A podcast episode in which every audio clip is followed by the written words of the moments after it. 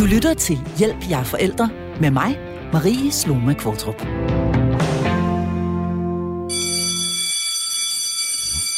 Det er den sidste dag i skolernes sommerferie, og i morgen så går det atter løs med vækkeuger, madpakker, kammerater og undervisning. Men for ca. 30.000 unge mennesker begynder en helt ny hverdag væk fra far og mor, når de starter på efterskole. Og faktisk er det jo netop i dag, søndag, at mange af os forældre, mig selv inklusiv, skal aflevere vores spændte, nervøse og forventningsfulde børn med masser af oppakning og maverne fulde af sommerfugle. Og vi skal selv finde en grimasse, der kan passe, når vi vinker farvel og kører hjem uden dem. Og lige præcis det at være forældre til et barn, som skal på efterskole, skal ugens program handle om. Derfor er det mig en stor ære at byde velkommen til fast medlem af mit panel, autoriseret børnepsykolog Marie Tolstrup, specialist og supervisor i psykoterapi med børn, og i dagens anledning to særligt indbudte gæster, nemlig Michael Brandt, som oprindeligt er uddannet skuespiller, men som de seneste 15 år har arbejdet som lærer, blandt andet på en efterskole. Og endelig Kira Svendstrup, psykologistuderende og tidligere efterskoleelev. Velkommen til Hjælp, jeg er forældre. Og jeg synes faktisk, vi skal starte øh, over ved dig, Michael øh, Brandt, fordi du er jo lærer, og du har øh, arbejdet på en efterskole i en årrække. Hvad, hvad er det for et år, de øh, unge mennesker øh, kan se frem til nu? Jamen, det er et øh, fantastisk år med øh, et forpligtende fællesskab. Det er en, øh, en livsoplevelse, kan man sige. Det er, det er sådan en magiterning af oplevelser, af øh, det at skulle finde sig selv og at være i et fællesskab sammen med andre, øh, hvor man skal lære sig selv at kende, øh, hvor du møder voksne, øh, som øh, er sammen med dig på en måde, som du måske ikke har oplevet før, fordi de har tid og overskud. Der bliver stillet krav til dig. Du skal være en del af en fast struktur, som du skal lære at kende. Øh, og det er hårdt. Det er vanvittigt hårdt at være på efterskole. Mm. Øh, der bliver krævet noget af en hele tiden. Øh, og, og derfor så har sådan et efterskoleår også sådan nogle perioder, hvor det går op og ned. Øh, det har sådan nogle, øh, nogle særlige faser, man går igennem.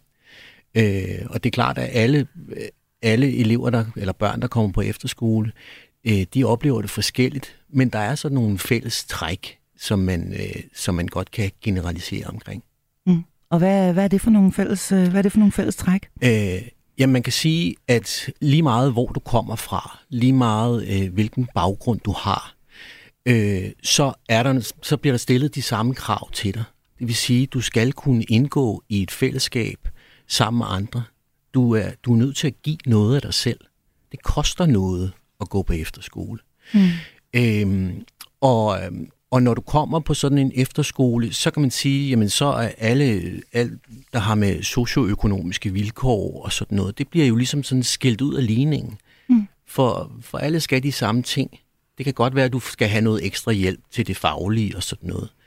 Men, men øh, du skal forsøge at indgå i det fællesskab, øh, som efterskolen er. Det forpligtende fællesskab på lige vilkår med alle andre. Øh, og, og for nogle er det, øh, er det en god og fantastisk oplevelse, men, men det er også hårdt, og det kræver noget. Mm. Og de øh, eventuelle kriser, som måtte komme øh, undervejs i løbet af sådan et år, dem kommer vi til at tale øh, meget mere om. Men jeg kunne godt tænke mig at spørge dig, Kira Svendstrup, fordi du er selv psykologistuderende, og så har du været på efterskole. Øh, kan du huske denne her dag, øh, hvor du blev sat af af, af, af dine forældre? Altså meget tydeligt det var jo en kæmpe dag, kæmpe dag, og jeg flere, der har snakket om sidenhen, hvordan man bare var hele følelsesregistret igennem. Altså både først og fremmest, fordi man får at vide, øh, med nærmest med modermælken, at det er dit livs år, øh, og hvordan skulle det nogensinde lige leve op til det? Det er jo enormt, det her med, at jamen, passer jeg ind? Får jeg overhovedet nogle venner? Hvad med alle mine andre venner derhjemme? Har de det meget federe, end jeg har? Mine forældre? Og sådan, der er vildt mange overvejelser. Så det var en meget blandet pulje, vi flere, der snakker om. Det var, mm det var en meget blandet omgang. Det var en, en stor dag. Så du var, du var, man kan sige, på en gang både spændt og fuld af forventninger, men også lidt, lidt bange eller ængstelig? Eller? Øh, I begge dele, fordi nu kender øh, man jo også mange, der har været på efterskole, og det bliver sådan talt op til, at det her det er det vildeste. Og så står man der på dagen, hvor vi flere, der snakkede om det her med, at så er man pludselig en meget lille mus, øh, ja, ja. og mor og far kører, øh, så det, det bliver meget, meget blandet. Mm. En god pulje. og lad os så lige få øh, børnepsykolog Marie Tolstrup på banen også, fordi hvordan, hvis du skulle sætte nogle overordnede ord på, hvordan er det så for et barn i den her alder? De er jo typisk de her 14, 15, 16 år, afhængig af, hvad det er for et år, de skal have derovre, altså hvilket klassetrin de skal, de skal have derovre. Kan, kan man sige noget generelt om, hvordan det er for et barn at skulle forlade alt det, de kender, altså deres hjem øh, og deres øh, familie og deres forældre? Øh, Jamen, de fleste glæder sig jo, altså, og, og det er jo glæde, og så den der naturlige nervøsitet, som selvfølgelig fylder. Men jeg tænker også netop det, som både Michael og Kira taler ind i, i forhold til det her sådan lidt forventningspres, der også kan være der. Så det kan også øh, være helt okay faktisk at være lidt bange, altså at, mm. at have det sådan, hvad hvis jeg ikke kan leve op til det? Og, og, og der er jo også nogen, altså, hvor de, de kan føle et enormt nederlag, hvis de ikke har det sjovt, eller hvis den første uge det ikke var, som de forventede. Så det er jo lidt ligesom mange andre store ting i livet, der bliver talt op. Ja, altså ja. graviditet blandt andet, kommer jeg selv til at tænke på. Ikke? Ah, men øh, du ja. render rundt ude på en mark og har det dejligt og ærer ja. din mave. Ikke? Og det er jo ikke alle, der, der oplever det. Så det her med, at, og ligesom med mange andre store overgange, at alle følelser er okay, og det er okay at vide, at jamen sådan her har du det lige nu, men følelser kommer og går, og, og følelser er ikke farlige, og det er klart, at, at har man været der i nogle dage, og synes, at det er svært og trist, og så tage fat i sådan nogen, altså tage fat i en Michael, ikke? Mm. Og, og, og tale med de andre, og, og prøve også at vide, at selvom de ser ud som om, at det bare kører med klatten, så er det ikke altid sådan, det er. Altså på den måde er det jo meget øh, ala sociale medier, ikke? Det ser ja. ud på en måde, men øh, kan sagtens være på en helt anden måde, og det skal man ikke lade sig narre af eller forblænde af. Nej, og lad os lige blive ved den øh, allerførste dag, fordi jeg kan nemlig selv huske, at jeg havde øh, afleveret et, øh, et barn for, et, for et par år siden, som var vanvittigt øh, spændt, og hun har vidst, for hun var seks år gammel, at hun ville på efterskole, og jeg kunne simpelthen se på hende, da vi kom derover. Hun mødte dem, hun skulle bo i hus med, og dem, hun nu skulle tilbringe et år med. Jeg kunne se skuffelsen, ja. altså lyse ud af øjnene på hende. Ja. Altså, de var bare ikke overhovedet, hverken de eller dem eller det, var overhovedet det, hun ligesom havde forestillet. Det kunne jeg simpelthen ja. se på hende, ikke? Ja. Altså, hun stod der og var modig. Så det her med skuffede forventninger, at, at, at det også en del af det, Michael? At man tænker, der er sgu da ikke nogen her, jeg nogensinde bliver venner med. Det er en enorm stor del af det. Og, og man kan jo, når, når, øh, når eleverne kommer der om søndagen, og vælter ind, og, øh, og, og man kan jo se angsten i øjnene på dem, ikke? Altså, og, øh, og, og den der ængstelighed, øh, den er hos dem i, øh, i et stykke tid. Øh, og det handler rigtig meget om, hvordan man håndterer den ængstelighed og, og nu kommer vi jo øh, tilbage til det, men også hvordan forældrene håndterer den ængstelighed i mm. begyndelsen. Mm. Øhm, og, og som Marie også siger, jamen det må gerne være svært. Det er, det, øh, der er så store øh, forventninger til det her år. Øh, de sidder uden på tøjet, og de, de, øh, de sidder i, i de unge mennesker. Mm. Øhm, og rigtig mange unge mennesker har det jo sådan, jamen hvis ikke deres, deres behov og deres ønsker og deres forventninger øh, og deres drømme bliver opfyldt øh, i morgen, så, øh, øh, så er der noget, der er forkert. Og der er det jo vores opgave som voksen i deres, øh, i deres liv. Øh, vi, vi, vi er jo som, øh, øh som lærere på efterskole, der er vi jo sådan en slags surrogat forældre mm-hmm. for, øh, for øh, en lille gruppe. Øhm, og der er det en rigtig vigtig opgave for os at tale forventningerne ned og sige, der er mange måder at gå på efterskole på. Der er mange måder at opleve at være på en efterskole. Øhm, og der er, øh, og man vil opleve, at nogle gange er det svært. Og mm. især det start, i starten. Der er sindssygt mange ting, man skal lære. Der er mange ting, øh, som er hårdt. Mm. Øh, og og det, det skal man ikke blive slået om kul af. Mm. Jamen altså, øh, jeg har været der øh, selv, som jeg lige sagde før, for et par år siden, og er der igen netop nu, når det her program bliver sendt, der sidder jeg i en øh, tæt pakket bil på en mindst lige så tæt pakket motorvej på vej til Fyn for at aflevere min datter, sammen med tusindvis af andre familier i samme situation. Og det, jeg, jeg, jeg synes, jeg kan se, som er gået igen, det er det her med, at mine børn i hvert fald har reageret meget sådan op til selve afleveringen. Der har været stress og nedsmeltninger og tårer og usikkerhed og sådan en blanding mellem på den ene side at være lille og gerne vil have sin mor og nærmest gå, øh, regrediere en lille smule og, og blive sådan endnu, mm. endnu mindre helt hjælpeløs. Jamen det ved jeg ikke, hvordan man gør. Det skal du også hjælpe mig med, mor, og du skal også hjælpe mig med det og det og det. Øh, og så samtidig være stor og gerne vil klare tingene selv. Ikke? Øh, Marie Tolstrup, hvad, hvad, hvad, hvad er det her for en proces op til, man, øh, man, øh, man, skal, man skal lave det her klip i navlesnoren? Man kan jo sige et eller andet sted, at det karakteriserer jo, altså den her ambivalens karakteriserer jo egentlig meget fint teenageårene. Det her ja, med og, ja. altså, løsrivelsen og ja. selvstændiggørelsen i forhold til, at på den ene side vil man enormt gerne have sine forældre og har brug for dem, og på den anden side er de jo de mest irriterende individer i verden, og man, de dog bare kunne skride. ja. Men det er egentlig meget rart med et lift nu, når jeg skal afsted til efterskole. Ikke? Ja.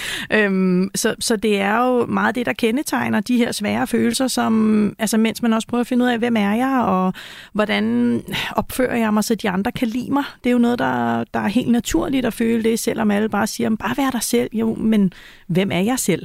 Mm. Altså, så der er en masse store ting, som, som man forsøger at navigere i at falde på plads. Så det her med at prøve at tage en dag ad gangen og, og være i det, når nu er det første dag på efterskolen, og så i morgen tager jeg næste dag, at man ikke tænker for langt frem øhm, og ikke bekymrer sig for meget om, hvad kommer der til at ske, og hvordan, hvordan sikrer jeg mig, at jeg får det bedste år. Altså det, det, det, det kan man jo ikke helt styre. Man bliver ja. nødt til bare at prøve at være i processen og, og stole på, at man for det meste kan mere, end man tror.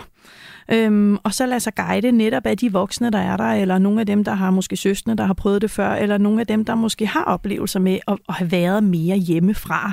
Øhm, tit er der jo for eksempel nogle af dem, der har dyrket sport på forskellige niveauer, som er vant til at være væk i længere tid ad gangen. Mm. Øhm, eller dem, der, altså ja, skilsmissebørn. Ja, altså, for jeg skulle lige til at spørge ja, om det, om skilsmissebørn ja. har en særlig fordel her i virkeligheden i forhold til at skulle omstille sig og også ligesom undvære Ja, øh, den ene og den, den anden. Ene, den ene og den anden. Ja, ja, det er jo svært at sige. Altså, jeg, jeg tænker generelt, at jo mere man har gennem livet prøvet at, at, at tage de forskellige sådan helt naturlige udviklingsmæssige udfordringer, der kommer, og har oplevet, at det kan være svært, men at det godt kan blive godt, når man har været i det længe nok. Det er jo nok som udgangspunkt en fordel. Mm. Øhm, og, og, øhm, og ellers så lærer man det her. Altså, det er jo også, øh, det er ja. jo også en del af det. Ja. Jeg tror også, øh, altså i forhold til det med skilsmissebørnene, at øh, som det jo også er øh, uden for efterskolen, så handler det om at at begge forældre kommunikerer en vis form for tryghed, ikke? Altså at, at kommunikere det samme til børnene og, og sender dem afsted på samme måde og siger, at det, det skal nok mor og far skal nok være der også, når du kommer hjem og sådan noget. Ikke? ja, ja. Øh, og, det er ikke sikkert, at vi er gift mere, men øh, nej, vi skal nok være der. det er ikke sikkert, vi er gift ja. men, men, men, men det er klart, at, at øh, når man er skilsmisseforældre, og, eller så er skilsmissebarn, og, øhm, og skal på efterskole, jamen så, så har man sku, måske mærket den der form for øh, lille separationsangst, der mm. er øh, til den ene eller til den anden. Øh, til gengæld, så, så, øh, så kan man måske også sige, at, at hvis man er skilsmissebarn, jamen så, øh, så har man måske brug for en større tryghed, og brug for, at der er nogen, der kommer og siger, øh, vi er der. Mm. Vi er der for dig, så, så du kan komme til mig, øh, hvis der er noget. Ikke? Mm. Og endelig kan man sige, at der jo det her, og det kommer vi til at vende tilbage øh, til det her med, at, øh, at, at børn jo altså også bekymrer sig om deres forældre, så det her med, hvordan de nu har det, mens man er afsted, spiller også ind. Men lad os lige vende tilbage til denne her allerførste dag, hvor det hele sidder, og øh, øh, øh, forældrene kommer øh, kørende med topmadrasser og, og cykler, og jeg ved ikke hvad. Hvordan er stemningen? Kan du huske det, Kira? Altså den allerførste dag. øh, Ja, det er meget tydeligt. Det var øh, igen det her øh, blandede bolcher, øh, og, og da vi så vores forældre køre sted, så blev det pludselig meget ægte. Ja. Nu, nu, nu sker det. Øhm, og jeg kan huske, at øh, der hvor, hvor vi gik, der skulle man lave alle de her introleje. Øhm, og i øjeblikket har vi snakket om siden, at, at det her med, og okay, lige nu ved jeg, at mor har luftet hunden af derhjemme, de skal til at se søndagsfilmen. TV2, de skal til at spise snøfler, og nu står jeg her og skal lege et æg. Der skal finde et andet æg. Øh, Nå. altså sådan, åh, så den hiver også lidt, men på den anden side, så vil jeg sige, nu ser de i bagklodskabens lys, så ved efterskolerne, hvad de laver. Øh, det der med, de sørgede for, at der hele tiden var et tæt pakket program, så der er ingen, der står alene i hjørnet og triller tommelfingre, fordi det er rart, at der er nogen, der siger, at du skal være her lige nu, ligesom det der kommer af mine kyllinger. Ja, ja. Øh, så de ved, hvad de laver, øh, og gjorde at det var en meget øh, hvad kan man sige, så tryg som muligt øh, start på noget, der egentlig var ret utrygt. ja. Kunne du sove den første aften?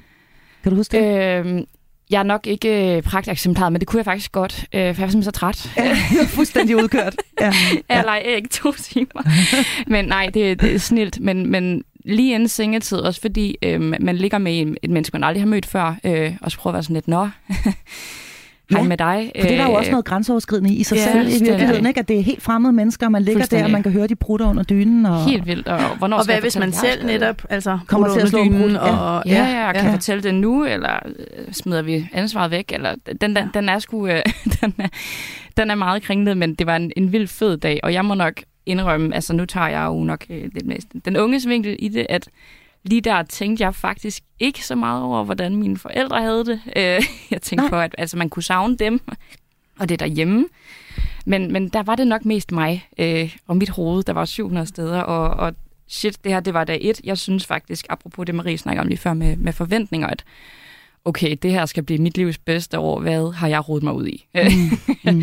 Så der var ikke, ja. der var ikke hjemveden øh, første aften, der var mere denne her øh, øh, bare sådan fuldstændig udkørthed i virkeligheden. Ja, overload af, af indtryk og sådan, men, men jo, i de, i de følgende dage, hvor man havde den der, okay, var det her virkelig en god beslutning? Mm. Øh, ja, men, men det ved jeg, det, det er der mange, der har, og det er helt normalt, apropos det her med øh, negative følelser, ja. gåsøjne laver jeg nu, øh, at det er helt normalt. Øh, det skal der være, for det er utrygt, men det er jo ikke farligt. Oplevede du at få, få hjemve i den første tid? Altså at ligesom tænke, øh, åh, åh, det her, altså øh, jeg vil faktisk, jeg vil faktisk bare gerne hjem.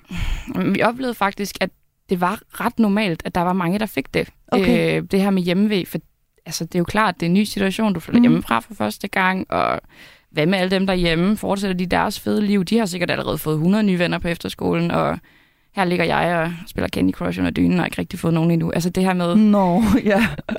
den kører der ud af, men, men altså, jeg tror, at hjemmevæg er en meget almindelig ting. Mhm. Nå, altså, Jamen, der er vel også forskel på netop hjemvej og så savn i forhold mm. til det, og også det her med, som Kira så meget relevant nævner, vennerne. Altså, fordi at vi taler meget om, når man kommer de til at savne mor og far, men det er vel også egentlig mere den, hvad kan man sige, hjemskabsfølelse, altså det her med at være derhjemme i noget, man kender og trygt. Mm. Men det, der tit kan bekymre mere, i hvert fald for størstedelen, er det her med, har mine venner glemt mig? Altså, Mm. især hvis man ikke selv lige altså, kommer i så meget trivsel i starten, om hvad med dem, jeg plejede at hænge ud med, har de det godt? Jeg har ikke hørt fra dem, og ja, de må jo ikke skrive, men vi aftalte, vi kunne snyde, eller hvad ved jeg. Så det sociale i det er faktisk også ofte ret sårbart, når man tager afsted på efterskole. Altså mm. den her følelse af, mister jeg dem alle sammen, og, og så tog jeg den her beslutning, og hvis jeg så ikke bliver glad her, hvad så? Mm. Hvad venter så på mig derhjemme? Mm. Øhm, for gudskelov for størstedelen, så har de efterhånden forstået, at mor og far er der. De er ligesom lidt mere fast forankret, mm. øh, hvor venskaber og det sociale kan være en del mere sårbart i den alder. Mm. Og faktisk, Michael Brandt, øh, er der jo rigtig mange steder, næsten alle faktisk, hvor man tager telefonen fra de unge mennesker, når de ankommer og siger, den, øh, den napper vi, og den første uge, øh, der, der har du den ikke. Hvorfor gør man det? Er, det? er det på grund af det her blandt andet? Jamen, det gør man simpelthen, øh, som Kia også siger, for at, at, at kappe lidt båndene til det derhjemme. Fordi det betyder enormt meget, at man lægger sit fokus på efterskolen, og man lægger sit fokus på at kigge sig rundt og løfte hovedet fra telefonen øh, og være i fællesskabet. Øh, fordi det er enormt nemt at sætte sig ned med sin øh, telefon og melde sig ud af fællesskabet. Det er måske det, man har allermest lyst til. Mm. Øh, Og tjekke, hvad ens hjemme og hjemmefra laver. Hvad, hvad ens, Ja. øh, ens venner laver derhjemme. Øh, og det, det kan være gift for fællesskabet, fordi så, så, øh, jamen, så giver man jo ikke noget af sig selv, og man, man byder ikke ind i fællesskabet, øh, og man får ikke talt sammen. Øh, man får ikke lyttet på, jamen, hvem er de andre? Øh, hvad er det for nogle mennesker, jeg skal bruge sammen med? Øh, så, så derfor så, så øh, altså vi, vi diskuterede meget på den efterskole, jeg var på, om, om det var et overgreb. Altså den er jo, mm. den er jo klistret fast på armen. Ja, præcis. Øh, Ja, det er jo en øh, del så, af dem. så Ja. derfor er det jo på mange måder også lidt et overgreb Ja. at tage den fra dem, ikke? Ja. Øh, og, og den tryghed, der også ligger i at kunne ringe hjem Præcis. øh, til forældrene og sådan noget. Ja. Men øh, så, så, øh, så lavede vi sådan nogle regler om, jamen så var der tidspunkter, hvor man kunne have sin telefon. Øh, Altså for eksempel lige når man havde spist, så kunne man ringe hjem og sådan noget, ikke? Altså for, øh, for at, at give en, en livline på en måde, ikke? Mm, ja, fordi det, er jo det, det er jo det næste, jeg sådan har lyst til at spørge om, Marie Tolstrup. Det her med at være, stadigvæk være et barn, øh, og så blive øh, altså frataget muligheden for at komme i kontakt med sine forældre. Er det i virkeligheden ikke ret voldsomt? Jeg ved, jeg ved ikke, om jeg vil kalde det voldsomt, fordi det er jo ikke, altså de er jo omkring kompetente voksne mennesker, og i bund og grund er den mobil jo altså lavet til, at man kan ringe, hvis det er vigtigt. og, og forhåbentlig opstår der ikke noget, der er så vigtigt, at man ikke kan, kan tale med de voksne om det. Men jeg vil, jeg vil sige, at... at Du er at, så rå, Marie Tolstrup. Jamen, det er altså... Men nu er ens lille pus er fuldstændig ulykkelig og ødelagt derhjemme ved, og ikke Ja. kan komme til at ringe til mor eller Men far. det skal jo nok gå. Altså, og, og jeg vil sige, at, at, at selvfølgelig kan man blive rigtig ked af det, og jeg, og jeg synes, at, at for nogen, altså dem, som jeg nok øh, bliver knap så rå over for, det er dem, der, der kan bruge telefonen lidt som en form for følelsesregulering. Altså som, som kan få det svært, måske har noget, øh, nogle oplevelser eller noget i bagagen i forhold til at have kæmpet med nogle ting før, der er mere svært end gennemsnittet. Og så er mobilen nogle gange god til at aflede fra de svære tanker og følelser. Og, og på den måde, hvis man selvfølgelig mister lidt sit værktøj, eller også mm. har man måske en, hvad ved jeg, en mindfulness-app, eller en vejrtrækningsapp, eller noget andet, man føler, der hjælper på mobilen. Og, og så er det klart, så er vi ude i noget andet. Øhm, mm. men, øhm, men for størstedelen, og for dem, der ikke har det, der vil jeg sige, at, at, at der er det jo, synes jeg, kun meget sundt at prøve at være uden, fordi netop som Michael er inde på, jamen, hvordan skal man ellers komme i kontakt med de andre? Og man kan også komme til at sende, altså måske meget ufrivilligt, men en, et signal om, jamen jeg er egentlig ikke interesseret i kontakt med jer, Ja. frem for at det handler om, jeg er mega nervøs og bange, og derfor står jeg og kigger på min mobil, for ellers begynder jeg at græde, og det har jeg ikke lyst til. Mm. Så det kan blive misforstået, hvad man egentlig står og foretager sig. Kan du genkende det, øh, Michael? Meget, altså meget. Det, her, øh, det her med, at det netop også kan gå hen og blive en, en, en sutteklud, som, men som kan få, kan få øh, øh, det, det, den, øh, øh, man kan komme til at virke sådan lidt, lidt arrogant eller, eller ligeglad. Ja, og Ja. vi, øh, vi i tale sætter det på efterskolen, hvad, hvad det betyder, når, når man går rundt med sin telefon, hvad det er for nogle signaler, man sender. Mhm. Mm. Det, det er jo en del af, af, af den almene dannelse. Hvordan er vi sammen? Øh, og det er jo en af efterskolernes allervigtigste opgave. Det er jo at vise de unge, hvordan er man sammen på en mm. rigtig god måde. Øh, og øh, så, der, så derfor så, så spiller telefonen en ret, en ret vigtig rolle øh, helt fra starten af i at sige, jamen det her det er et forpligtende fællesskab. Her, her gør vi noget for hinanden. Og det er blandt andet at løfte blikket Mm. og sige, hvem er du? Og være nærværende. Og være nærværende.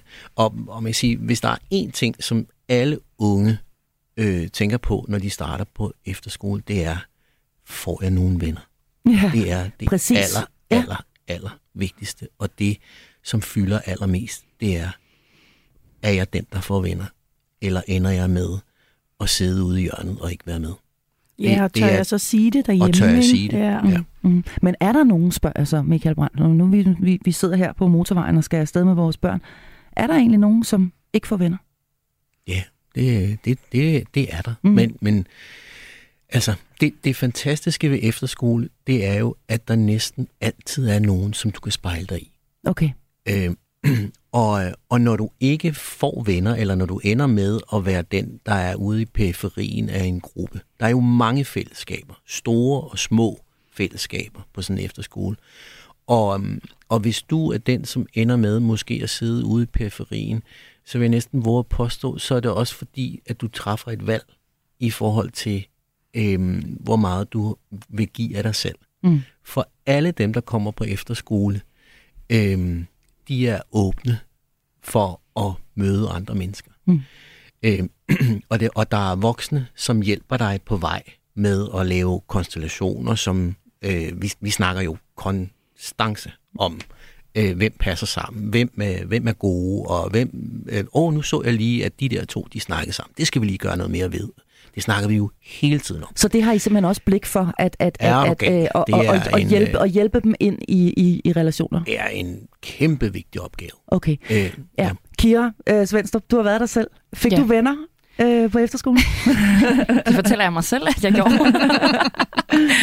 Ej, det, det vil jeg sige, men, men jeg tror også, i den forbindelse er det ret vigtigt, at, at normalisere det udtrykke i starten. Det der med, okay, der, der vil være... Altså, alle er jo i samme båd. Det tænker man ikke. Man, man tænker altid, det er jo...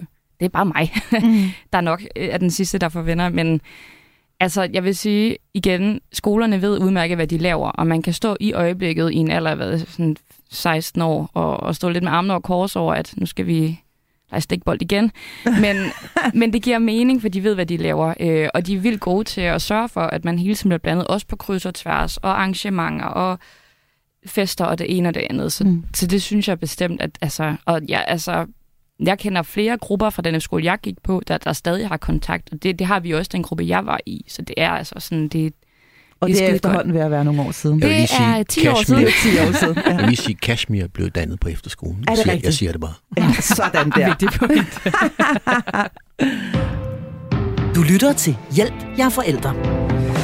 Ja, og vi taler altså om det her med øh, at skulle på efterskole, og ikke mindst om det at øh, være forældre til et barn, som skal afsted på efterskole. Nu har vi øh, taget det unges perspektiv lidt. Vi har talt om, hvad, øh, hvad, det, hvad det er for en, en tid, der venter, hvad det er for en kæmpestor øh, dag øh, og de næste dage her for øh, de unge mennesker. Men nu skal vi altså rette øh, blikket mod øh, os forældre. Øh, jeg er i fantastisk selskab her. Jeg øh, har øh, fast medlem af mit panel, børnepsykolog Marie Tolstrup med mig. Så har jeg i dagens anledning to særlige indbudte gæster, nemlig Michael Brandt, som har arbejdet i en årrække på en efterskole, og Kira Svendstrup, som er psykologistuderende og tidligere efterskoleelev. Øh, Michael Brandt, der er jo ikke to øh, forældre, der er ens. Det må, må man nok bare øh, konstatere. Men hvad har du øh, set af reaktioner, øh, mere eller mindre øh, hensigtsmæssige, øh, i din tid som efterskolelærer hos forældrene?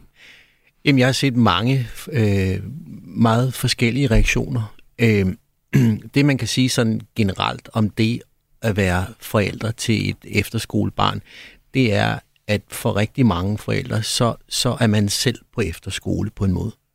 Øhm, og med det mener jeg, øhm, at det er rigtig svært at sende sit barn afsted. Mm.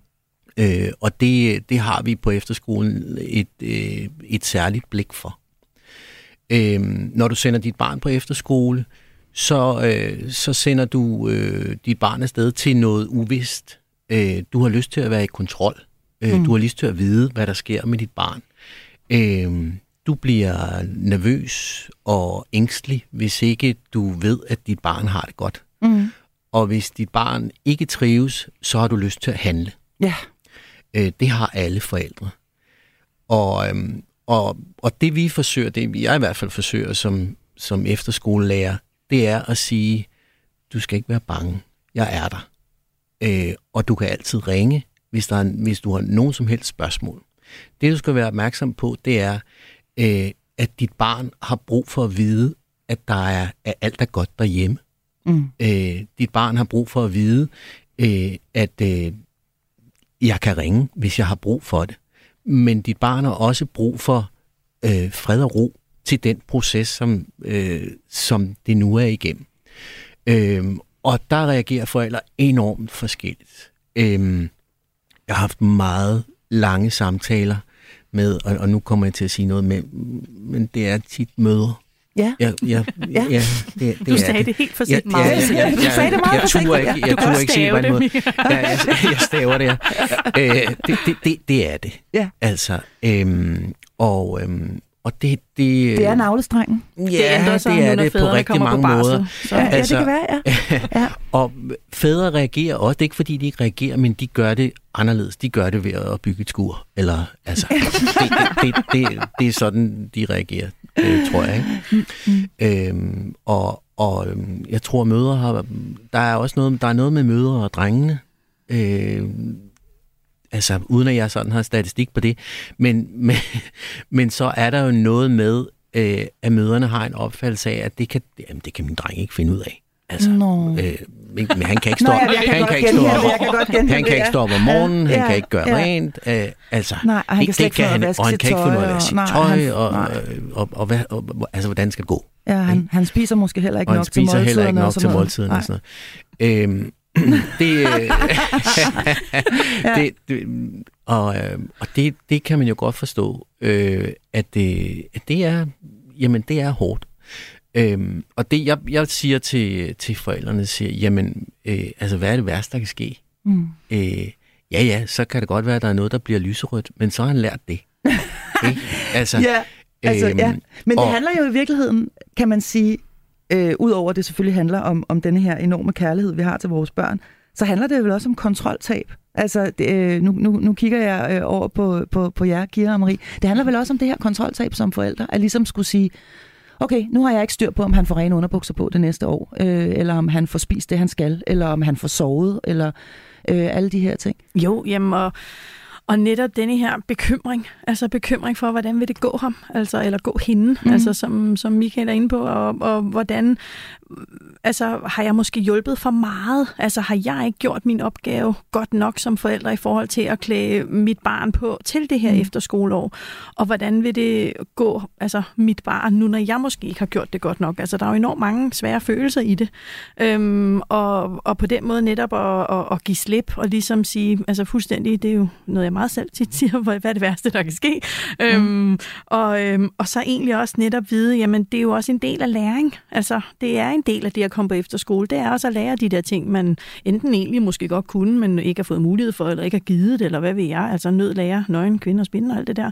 Øhm, og, og, og så ligesom være i det og vide, at igen, ligesom at der er en masse forskellige følelser hos børnene, der er helt normale, så, så er det det også hos forældrene. Mm. Øhm, og give sig selv øh, et klap på skulderen øhm, i forhold til, okay, jeg har gjort det, jeg har faktisk, øh, altså, jeg har opdraget og, og mestret og, og få et barn, der nu formår at tage afsted på, på efterskole. Altså, hvor er det godt gået? Altså, mm. egentlig at rose sig selv som forældre og, og rose hinanden, hvis man stadig altså, øh, har hinanden og kan det, eller i hvert fald rose den ekspartner, man så har formået at gøre det med. Ikke? Fordi det er jo mega sejt. Så egentlig også at, at, at være lidt stolt af, at det er der, man er i livet, og mm. at øh, alle skift har en masse følelser i sig, men mm. det er også okay. Nu taler så, ja, hvad siger du, Michael? Ja, øh, og så, så, så er det rigtig vigtigt at og, tror jeg, at anerkende over for sig selv, at det er svært. Ja. Man må gerne som forældre synes, at det er rigtig svært at have mm. sit barn på efterskole. Og så skal man tale med nogen og få sat nogle ord på det. Fordi man kan hurtigt gå med det derhjemme selv, øh, og gå hjemme i, i familien, og så sk- lige skælde lidt for meget ud, hvor det i virkeligheden måske handler om noget andet. Mm. Fordi man savner, og fordi man ikke kan finde ud af, at der mangler et barn. Ja. Øhm, og jeg, jeg tror, det er sindssygt vigtigt, at man får sat ord på det. Men lige præcis det her med, hvor voldsomt det er, det var jeg faktisk selv overrasket over første gang. Jeg stod der, øh, jeg afleverede øh, øh, min, min datter, og, øh, og tre timer senere fandt jeg mig selv sådan ligge øh, grædende øh, og snuse til hendes sengetøj øh, øh, inde, i, inde, i, øh, inde i hendes seng. Øh, kan man lige frem tale om, at der opstår en eller anden form for krise hos forældre, når de afleverer deres børn, og at, og, og, at, det, at der i virkeligheden en eller anden form for sorg forbundet med det? Jamen det kan der jo godt, og især ja. i forhold til, hvor er du selv i livet? Altså var det det sidste barn, der skal mm. afsted på efterskole? Øhm, eller dit eneste barn? Yes, mm. eller hvordan går det egentlig i parforholdet? Fordi ja. pludselig er der så er man alene med ja. den partner, som man har valgt på godt og ondt, og måske er der nogle ting, der bliver mere tydelige, eller også er man bekymret for, jamen nu er det faktisk det, nu ved jeg ikke, om jeg kan holde til det længere. Så det er klart, at der kan opstå en masse ting, og der kan også være en masse følelser og svære beslutninger, som lidt har stået og ventet på, at, at det her skulle ske. Mm. Og der er jo også nogle forældre, der sådan helt bevidst siger til sig selv, jamen det her, det parforhold skal jeg være i, indtil de bliver store nok til, at jeg kan gå fra min partner. Øhm, og man så... ved faktisk, at der er øh, rigtig, rigtig mange forældre, der bliver skilt øh, mig selv inklusiv, øh, ja. mens deres øh, børn er øh, på efterskole. Ja. Fordi der sker noget, øh, også med selve familiedynamikken ja, derhjemme. Altså det ændrer jo simpelthen på noget, når man tager en brik ud ja. af, af puslespillet. Jamen, jamen, det gør det jo. Altså, ja. det, det er jo en helt ny måde at være familie på lige ja. pludselig. Ikke? Øh, og man, øh, man bliver måske tvunget sammen på en anden måde, end man har været vant til. Øhm, og, øh, og skænderierne søskende imellem øh, forstummer pludselig, og lige pludselig så skal, man, øh, så skal man kigge på sin partner på en anden måde. Øhm, og det, det er da angstprovokerende for nogen, tror jeg. Mm. Øh, og, så, og så tror jeg, at det reelt er for nogle forældre en sorgproces, man skal igennem. Øhm, altså, hvor det, hvor det gør ondt på en måde, som man ikke havde forestillet sig, som du selv siger. Ikke? Mm. Øhm, fordi at det er jo øh, det er jo første gang for langt de fleste, at barnet er væk hjemmefra så længe. Mm. Øhm, og, øh, og så skal man også huske på, at der er nogle børn, som ikke er særlig gode til at kommunikere med deres forældre, øh, og, og omvendt sådan set også. Så den kommunikation, man så har med sine forældre, øh, eller med sine børn, er måske ikke særlig god, fordi man kommer til at gøre det på tidspunkter, hvor tingene er lidt svære mm. øh, på efterskolen eller derhjemme. Øh, når man kommer hjem i weekenden, så er det eneste, man har lyst til, det er at være sammen med sine venner. Altså, ja, øh, ja. Og, og, og man kommer hjem til nogle forventningsfulde øh, forældre, som glæder sig til at se barnet, mm. og de får den største fuckfinger, ikke? Øh, fordi, at de er, øh, Ja. fordi barnet er, på, er, er bare på vej over til sine venner, Ja. og man skal bare vaske noget tøj, ikke? Ja, så der kan i virkeligheden meget hurtigt komme til at stå en skuffet mor eller far. Nu kigger jeg over på dig, Kira Svendsen. kan jeg godt jeg nå, men altså, ja, nå jo, men altså, fordi nu har man faktisk øh, undværet sit barn i tre eller fire uger, eller hvor Ja. meget det er, og man har stort set ikke hørt fra ham eller hende. Og nu kommer hun endelig hjem, og ej, hvor skal vi hygge os. Kan du huske de her hjemmeweekender? Ja, og nej, vi skal ikke hygge os. Fordi når man kommer hjem, du er så smadret. Øh, og nu er, altså, jeg kan huske, øh, mange forældre havde den her, nu skal du med til Odas fødselsdag, øh, og du skal også lige huske, vi skal om have kaffe ved naboen, og du skal med til det og det, og det eneste, du har lyst til, når du kommer hjem, det er bare at få vasket de skide træningsbukser, og så ned og lægge på værelset. Mm. Og jeg kan huske, i, i den forbindelse, der er, tænker jeg, et, et, et lille gylden råd til forældrene, det er den der med to ører i en mund, øh, og så måske lytte dobbelt så meget, som man spørger. Øh, fordi børnene skal nok komme øh, og fortælle det, de vil fortælle, øh, men man er simpelthen så gennemsmadret og træt, øh, og, og man er også dårlig som vittighed, fordi okay, nu kommer jeg her med en sæk vasketøj, og det er det, jeg kan byde dem, og, og de står der og klar med malarko, og vi skal se film, men, men jeg magter det ikke. Så jeg tror også, det øhm, har vi faktisk snakket om i min gruppe, øh, venindegruppe sidenhen, at man vil lidt ønske, at man havde fortalt sine forældre det her med, bare det, at I er derhjemme, er så rart. Fordi det er jo sådan lidt det gamle hjem, det gamle tryghed, nu kan jeg endelig falde ned, øh, og så det bare det, I er hjemme. Så kan det godt være, at I render rundt i køkkenet eller ude i haven, men, men I er der, og det hjælper så meget til at falde ned. Og så, og så skal de spørgsmål der, dem skal vi nok få snakket om, men, men stol på, at de kommer og fortæller det, de, de gerne vil fortælle, for der sker så meget. Mm. Ja, det der med, her behøver jeg ikke tænke over, hvordan jeg ser ud, hvad mm. Mm. jeg siger, hvad jeg har på, og altså så på den måde et frirum. Mm. Ja, og også ja. ja. lidt i forlængelse af det, øhm, der tror jeg, øh, mit eget bud, øh, at det kan være ekstremt sårbart, især første gang, du kommer hjem, fordi apropos det her med forventninger, at alle forventer, nå, nu har du haft dit livs bedste 14 dage. Øh, og hvis det måske ikke lige var sådan, altså at det har været svært at finde nye venner, eller man, okay, er faldet i snak med nogen, men bliver det ægte i de her venner for livet, som alle snakker om, og, og sådan, der er et enormt pres. Øhm, og hvis det ikke lige har gået øh, efter den sindssyge standard, man har lagt i sit hoved, og så komme hjem til mor og far, der er sådan, nå, Mm. er det ikke fantastisk? Men Nej, men det er det faktisk ikke lige nu. Øh, Det, altså, så på den måde også bare give rum, øh, og bare lade dem lande, Mm. og slappe af. Og så skal man huske på, at, at man, man er, altså som elev er man i konstant søvnunderskud. Altså man er, man er nærmest hele tiden sådan en lille smule lav på Ja, batterierne. de er sindssygt trætte, når de kommer de- hjem. de Det må er- man bare de sige. er- Ja. de Det er natterand. Det er natterand. ja, Når det er natterand, ja. ja, ja, ja. ja. Det taler vi ikke om. Ja, øh, nej, altså det, det, det er jo... Altså prøv lige at forestille dig at være sammen med så mange mennesker. Så meget. Og aldrig nogensinde have muligheden for at være dig selv. Mm. Øh, og alle de indtryk, al- altså sansindtryk, øh, sociale indtryk, øh, hvor du hele tiden øh, ser dig selv i forhold til andre.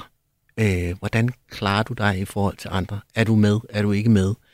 Øh, den positionering, der hele tiden foregår. Mm. Øhm, og man kan sige, når man, når man er derhjemme blandt sine venner, jamen, så, går man, så går man ind på sit værelse, og så, så er man sig selv. Men det er du dybest set aldrig Mm-hmm. øh, på efterskolen.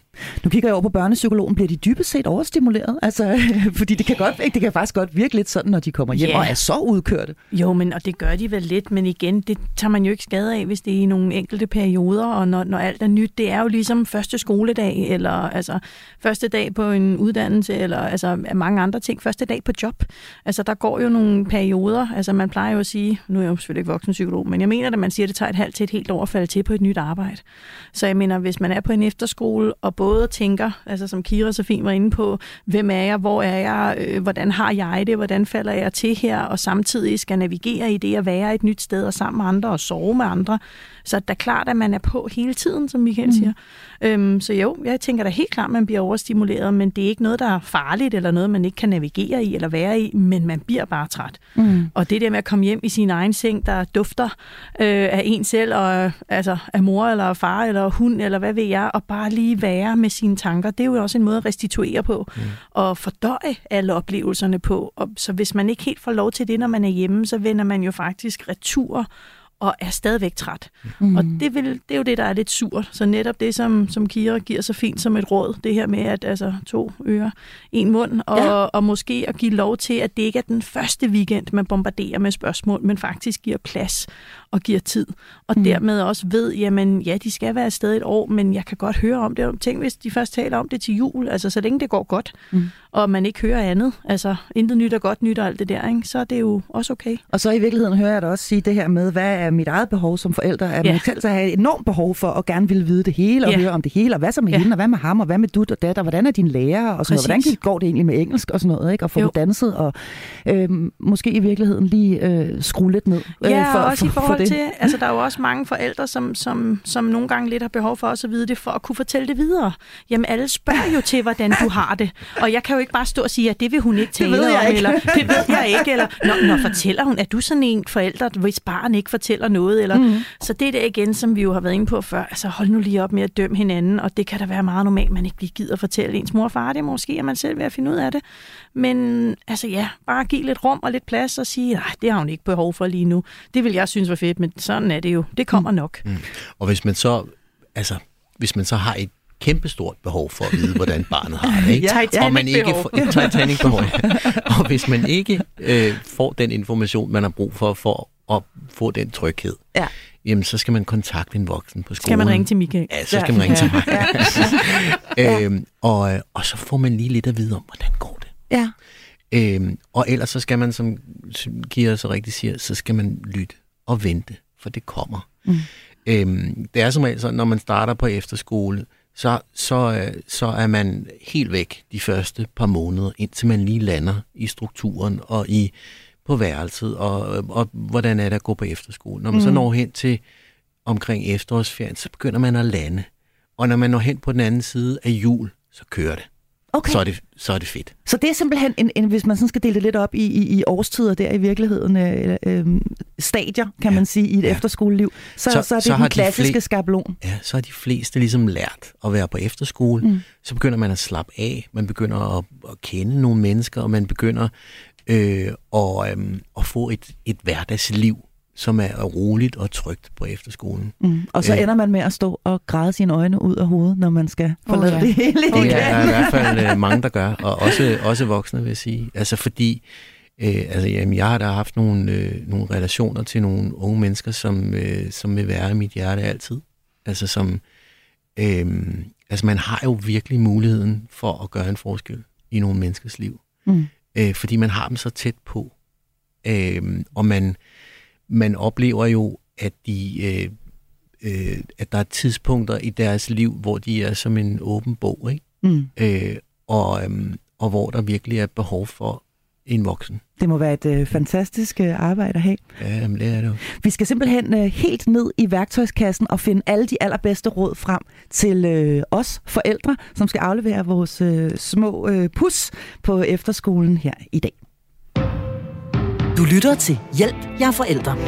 Ja, det handler altså om det her med at skulle aflevere sit barn på øh, efterskole i dag. En kæmpe, kæmpe stor ting.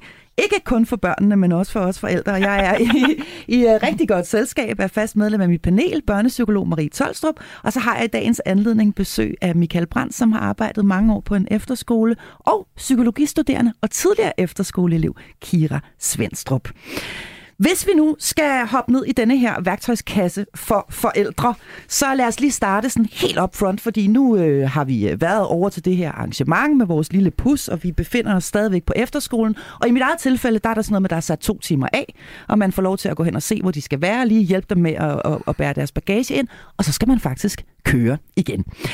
Hvad er jeres øh, bedste råd til de her forældre, øh, som skal sige farvel lige om lidt? Hvordan gør man det bedst? Jamen det der to timer, det synes jeg var fremragende. Det er ja. lige efter min uh, skabelon. Det ved du jo, Marie. sweet. ja, men, men, men det betyder jo ikke, at det, det er noget, der fungerer for alle andre end for mig. Men, men der, er jo, altså, der er jo noget i netop det der med at rive plasteret hurtigt af. Og, ja. og, og, og ligesom øh, sige farvel, fordi de unge mennesker har jo noget, de skal i gang med. Altså der, der, der står en, en masse voksne og venter, som har forberedt en hel masse, og nu skal de faktisk påbegynde deres efterskoleophold. Og det kan de ikke med en øh, voksen forældre klæbende om deres ben, grædende, hulkende. Bliver det nu okay? og, og plus, det kan også gå hen og blive pinligt. Ja, Fordi ja, mor, du må godt gå nu. Ja. ja. både for, altså for, i forhold til, ej mor eller far, det her er lidt pinligt, men også i forhold til, hvis man nu selv er lige ved at græde, og ikke har lyst til at græde, Ja. og gerne vil sige hurtigt farvel, for så ved man, så behøver jeg ikke at græde. Det kan der altså også være noget i. Så hvis ens unge er sådan, ja, hej hej, og bare går, så betyder det ikke, elsker dig aldrig, tak for intet.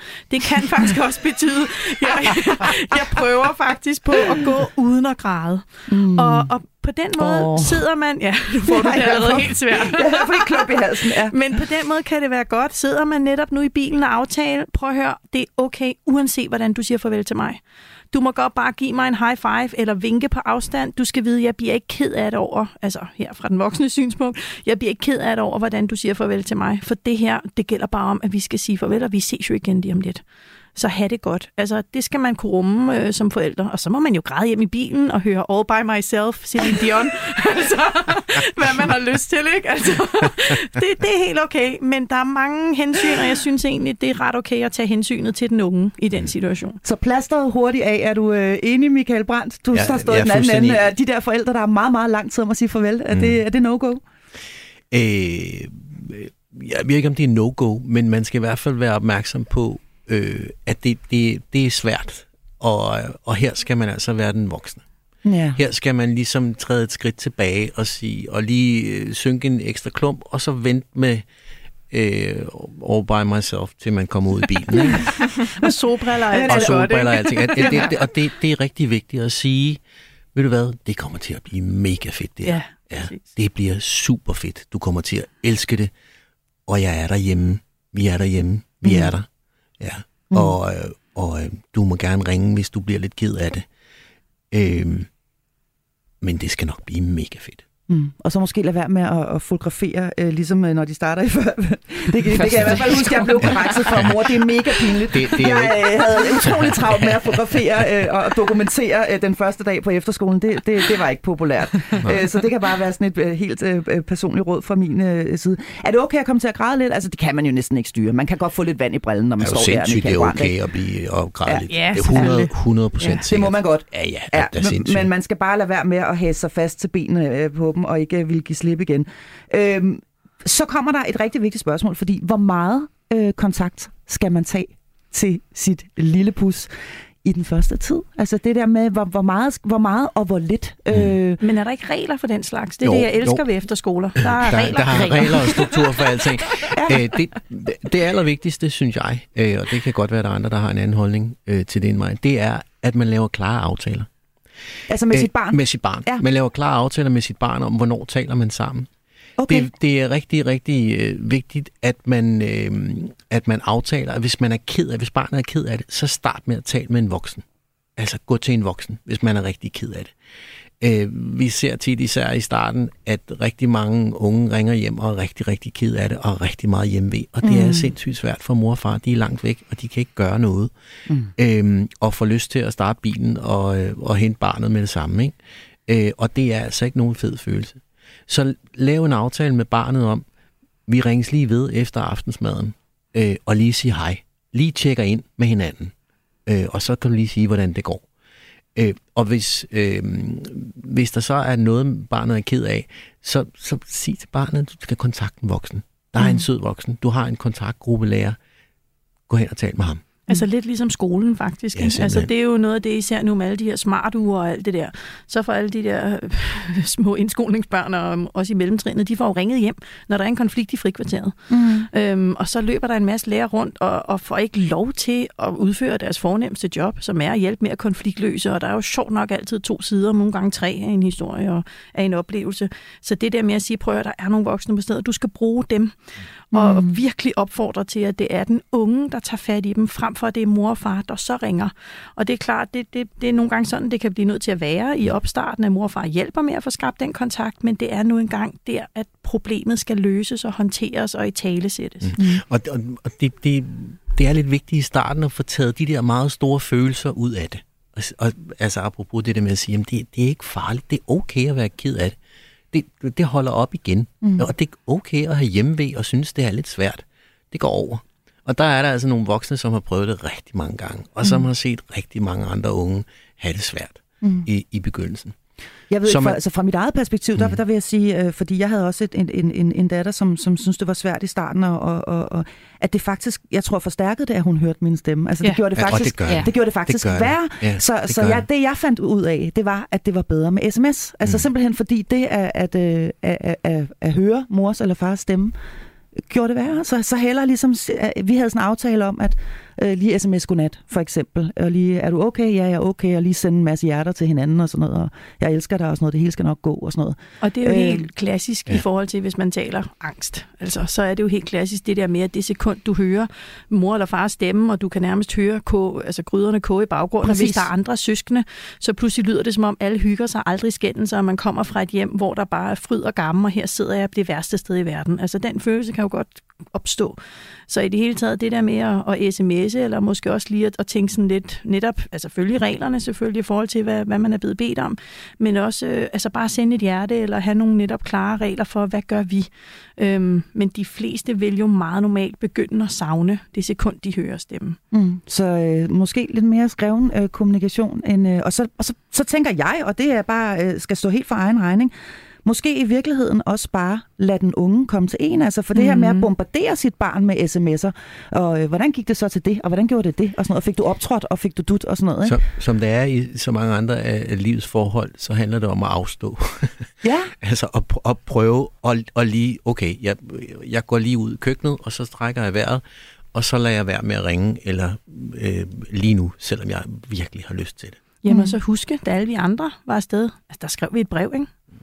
Jeg skulle Eller send, send en brev, du... Ja, Var der overhovedet papir og blyant dengang? Altså, jeg mener, det, altså det, det der er også, men det er jo klart, det, der skal man ikke forklejne det. Det er andre tider, man er vant til at kunne have kontakt hele tiden og sådan noget, men det er mere det der med at være i sine følelser og ikke altid reagere på dem med det samme, men også at være i, jeg har det lidt svært lige nu, hvad kan jeg gøre for lige at tænke på noget andet, og ikke at savne, og tale nogen, og tage fat i nogen. Mm. Altså lidt, og kan jeg handle mig ud af det her, fordi, og så gøre det. Mm. Øhm, så det, det, det synes jeg også kan være lidt vigtigt at huske på. Ja, jeg tror også lige, jeg vil slå et slag for en, øh, en måske sådan lidt, øh, noget man ikke har tænkt over, øh, bag, bagside, der kan være ved at skrive hele tiden, fordi man som elev har rigtig travlt. Og hvis man hele tiden har sms'er fra mor, man ikke lige har svaret på, åh oh, nej, så får man dårlig samvittighed, for hun vaskede mm. også min Twitter i sidste uge. Og så bliver det sådan noget... Og hun har lige sendt en pakke. Hun har lige Ja. sendt en pakke. Apropos, det var det, jeg ville sige. Øh, slår kæmpe slag for breve og pakker. Øh, hvis du skal i kontakt med barnet, så brug breve og pakker. Det Ja. er det fedeste. Altså, mange efterskoler har det her med, at det enten bliver læst op, øh, eller uddelt til morgensamling, det ene eller det andet, og det er det bedste. Altså, man, man hænger faktisk, tro det eller ej, øh, teenager hænger brevet fra mor tit op, er det rigtigt? og stolt vist Ej, frem. Marie, og, det var et helt nyt. Ja, ja, det er rigtigt. Ja, men, og kommer ind og anerkender, hvor, ej, hvor er det et dejligt brev. Og, og, og det her med pakker, altså send kopnudler og glimmersokker, det behøver ikke være noget vildt, men det der med at få en pakke, ja, det er, og det er sjovt, fordi de opfordrer Det er faktisk til det fra efterskolen. Ja. Det har de i hvert fald gjort der, hvor jeg skal aflevere mm, min Ja. barn. Alle efterskoler gør noget ud af de der pakker. Ja, det det er betyder sindssygt meget mm-hmm. for de unge.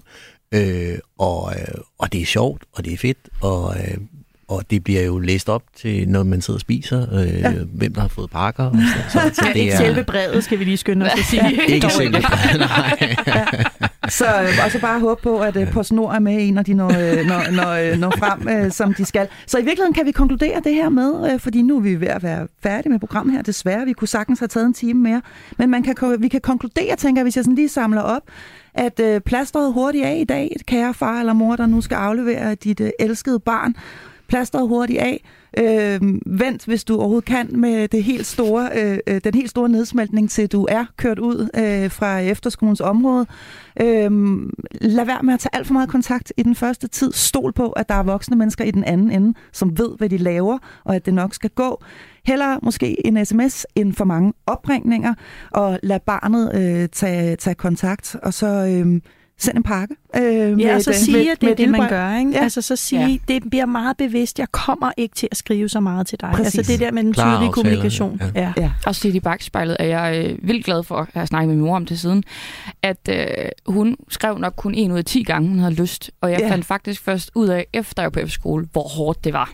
Ja, for og, hende. og lad være. Ja. Præcis. Så, Så øh, kunsten er at øh, afstå, selvom at øh, man savner sit barn rigtig meget. Det var, hvad vi nåede i dag, hvor emnet altså var, mit barn skal på efterskole, og jeg var i fantastisk selskab øh, sammen med medlem af mit panel, børnepsykolog Marie Tolstrup, tidligere efterskolelærer Michael Brandt og psykologistuderende og tidligere efterskoleelev Kira Svendstrup. Programmet her, og i øvrigt også alle tidligere udgaver af programmet, kan frit hentes i Radio 4-appen, eller der, hvor du ellers finder dine podcasts. Mit navn er Marie Sloma Kvartrup. Tak fordi du lyttede til Hjælp, jer er forældre.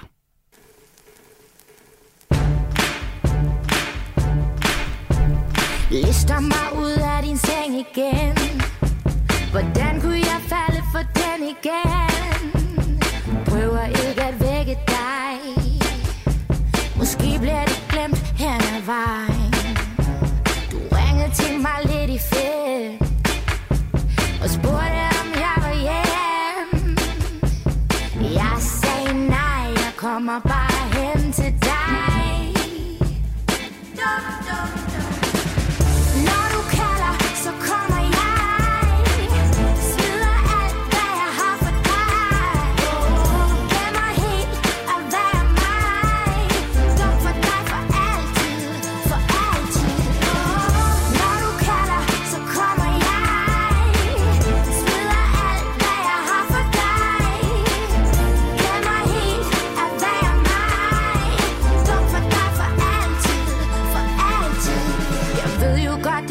af tid Og tager på min selvtillid Men jeg magtesløs i dit spil Jeg elsker, når du lokker mig.